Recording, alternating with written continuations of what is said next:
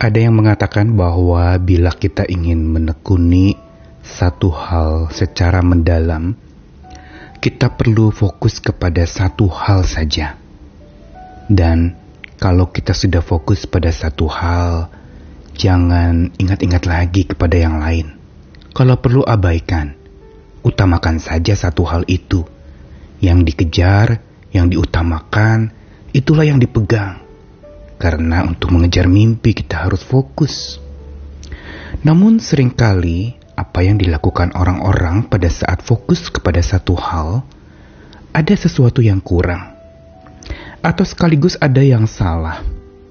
Karena fokus pada satu hal, sesungguhnya bukan berarti mengabaikan hal-hal yang lain. Mungkinkah di zaman yang serba banyak hal di sekeliling kita, dalam kehidupan kita pun tidak hanya untuk satu hal saja kita hidup, kita abaikan yang lain. Dan lalu kemudian utamakan yang satu, lupakan yang lain. Apakah itu jalan keluar dari segala pergumulan hidup kita?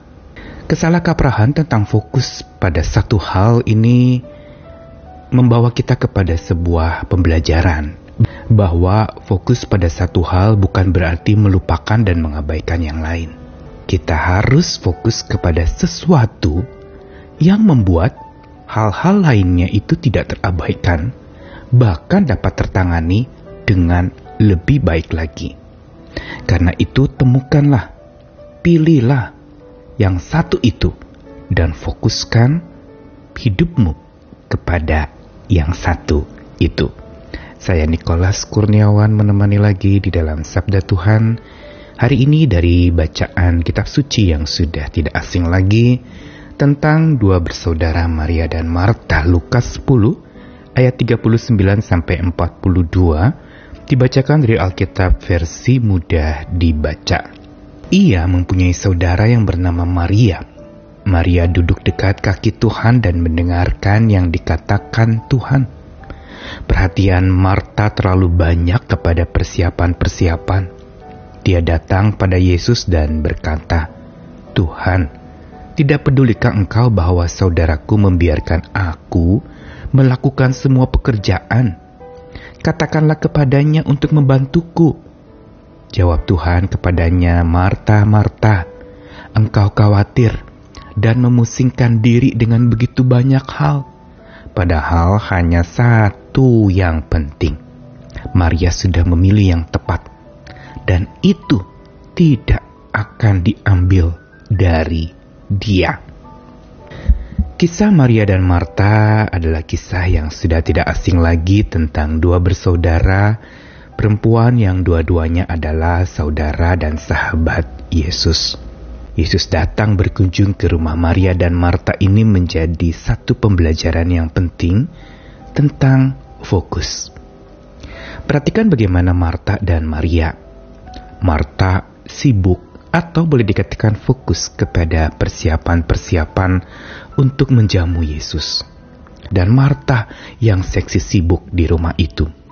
Dia siapkan segala makanan yang terbaik, dia siapkan segala pelayanan yang terbaik untuk jamuan yang tentu saja istimewa buat tamu istimewa mereka. Tetapi ada satu hal yang menarik yaitu pada saat Marta sedang sibuk-sibuk Maria duduk dekat kaki Tuhan dan mendengarkan apa yang dikatakan Tuhan. Lalu kemudian Marta protes kepada Yesus dengan mengatakan, "Tuhan, apakah Engkau tidak peduli? Lihat, itu Maria. Masa membiarkan saya lakukan semua pekerjaan sendiri? Bilang dong sama dia untuk membantu saya." Perhatikan bagaimana reaksi Marta pada waktu itu yang protes karena tindakan Maria yang hanya duduk dekat kaki Tuhan dan mendengarkan apa yang dikatakan Tuhan. Sampai di sini kita mungkin akan melihat bahwa ini apakah yang Maria lakukan lebih baik daripada Marta atau sebaliknya? Apakah lalu kemudian bersiap-siap menyambut tamu itu tidak boleh? Menjamu dengan makanan istimewa buat tamu istimewa itu salah? Perhatikan jawaban Tuhan. Dia mengatakan, Marta, Marta, engkau khawatir dan memusingkan diri dengan begitu banyak hal. Yang menjadi problem Marta sebenarnya bukan karena mempersiapkan jamuan istimewa. tapi karena kekhawatiran yang ada di dalam diri Marta dan memusingkan diri dengan begitu banyak hal.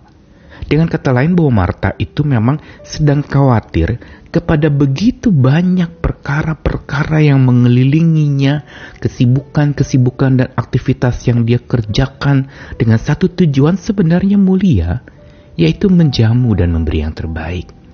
Tetapi ada kata yang penting yang ditegur oleh Tuhan kepada Marta yaitu Marta khawatir dan memusingkan diri dengan begitu banyak hal. Atau dengan kata lain, Tuhan ingin mengatakan kepada Marta, fokusmu kepada jamuan, fokusmu kepada persiapan, fokusmu adalah bagaimana memberi yang terbaik. Tetapi engkau melupakan satu hal. Jawab Tuhan selanjutnya, hanya satu yang penting, Maria sudah pilih yang tepat dan itu akan menetap kepada dia, tidak akan diambil dari dia. Apa satu yang penting yang Maria sudah lakukan? Kata yang penting ini dalam versi Alkitab lain dikatakan juga hanya satu yang perlu. Berarti apa yang dipilih oleh Maria itu adalah hal yang penting dan perlu sekaligus. Dan ini yang Marta abaikan. Marta fokus kepada berbagai macam piranti-piranti kesibukannya untuk menyenangkan Tuhan. Tetapi Maria mengetahui bahwa jarang-jarang Tuhan itu datang. Mengetahui bagaimana duduk dekat kaki Tuhan dan mendengarkan suara Tuhan, itu memberikan kekuatan kepadanya. Bukan Maria tidak peduli dengan Marta yang sedang sibuk. Tapi Maria tahu yang mana yang penting. Maria tahu apa yang dia butuhkan yaitu bercakap-cakap dekat kaki Tuhan, mendengarkan perkataan Tuhan. Dan inilah fokus yang sudah dipilih oleh Maria dan ini yang paling tepat.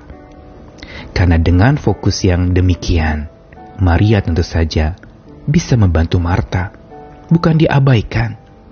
Dan Tuhan juga ingin mengatakan sesuatu yang penting buat kita dari ayat ini, yaitu bahwa fokuskanlah duduk dekat kakiku dengarkanlah apa yang kukatakan.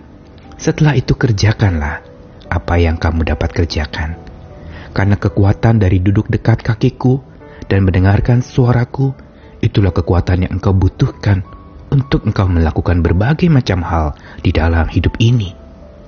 Apa yang Tuhan katakan kepada kita di dalam Lukas 10 ayat 39 sampai 42 ini mau mengajak kita untuk memilih fokus yang tepat yaitu memilih fokus yang perlu dan penting.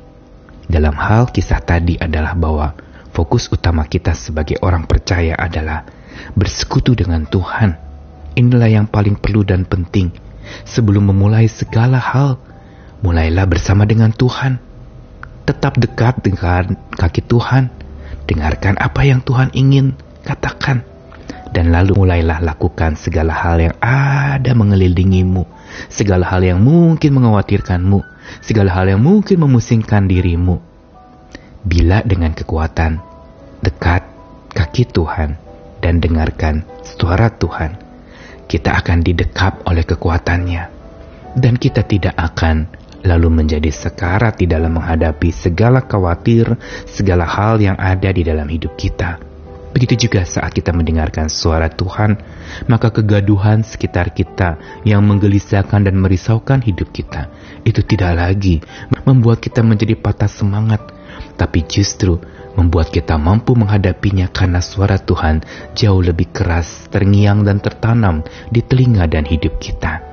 Dekat kaki Tuhan justru menjadi kekuatan bahwa kita melangkah tidak sendiri, tetapi bersama dengan Tuhan yang juga melangkah bersama dengan kita. Biarlah kita juga boleh sebagaimana sebuah pujian yang mengatakan, "Ku ingin selalu bersekutu dengan Tuhan, menikmati bait Tuhan, dan menikmati kehadiran Tuhan senantiasa." Dari situlah kekuatan kita berasal. Andalkanlah Tuhan, sandarilah persekutuanmu dengan Tuhan, dan dengarkanlah apa yang dikatakannya. Tuhan selalu beserta dengan kita dan mendampingi senantiasa. Amin.